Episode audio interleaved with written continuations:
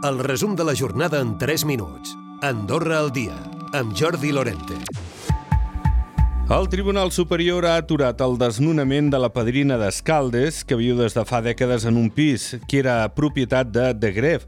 També ordenava que es tornin a col·locar al seu lloc els tancaments i les finestres que es van arrencar fa gairebé 4 anys. De fet, els fets van començar a l'agost del 2020, quan la propietat de l'edifici va canviar de mans i el nou amo no va renovar els contractes dels llogueters. La dona va alegar que tenia un contracte anterior a la llei d'arrendaments i va quedar com a única inquilina. Posteriorment, la propietat va fer obres que van convertir l'edifici en inhabitable i es va iniciar una guerra jurídica entre les parts. Però, com diem, l'edifici ja no seria propietat de, de Greft i les derivacions a centres de salut mental a l'estranger augmenten. Han estat més de 100 al 2023.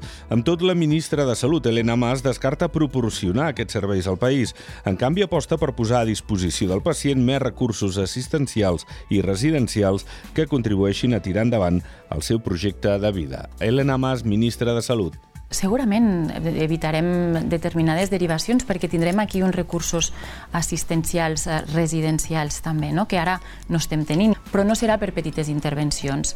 Uh, les persones que derivem a fora, a centres de fora d'Andorra, són normalment per intervencions uh, intenses, tant a nivell terapèutic com a nivell temporal, perquè aquestes persones necessiten un recurs uh, especialitzat que aquí a Andorra ara mateix no tenim. El comitè d'empresa del SAS, per cert, abandona el pacte d'estat de salut. Ja n'ha informat el Ministeri i es confirma la renúncia que ja va avançar la branca sanitària de l'ús de la setmana passada en no rebre el document del pacte d'estat i les empreses que aspirin a l'adjudicació del transport sanitari no medicalitzat ja saben l'import total que el SAS destinarà al servei. Es tracta d'un milió i mig d'euros per any. L'empresa que resulti guanyadora haurà d'assumir també l'increment en guàrdies localitzables del conveni col·lectiu del personal aprovat fa poc. Meritxell Cosan és directora general del SAS. És un plec bastant igual que l'anterior, una cosa que hem, engloba, hem, hem fet que colleixi ara el, el conveni col·lectiu al que ha arribat l'empresa sortint. Evidentment, abans hi havia eh, com a condició assolir un conveni col·lectiu que tenia un import X no determinat i ara, en canvi, doncs, hi ha totes les condicions del conveni col·lectiu que, evidentment, eh, els, treballadors, els treballadors agrairan, espero.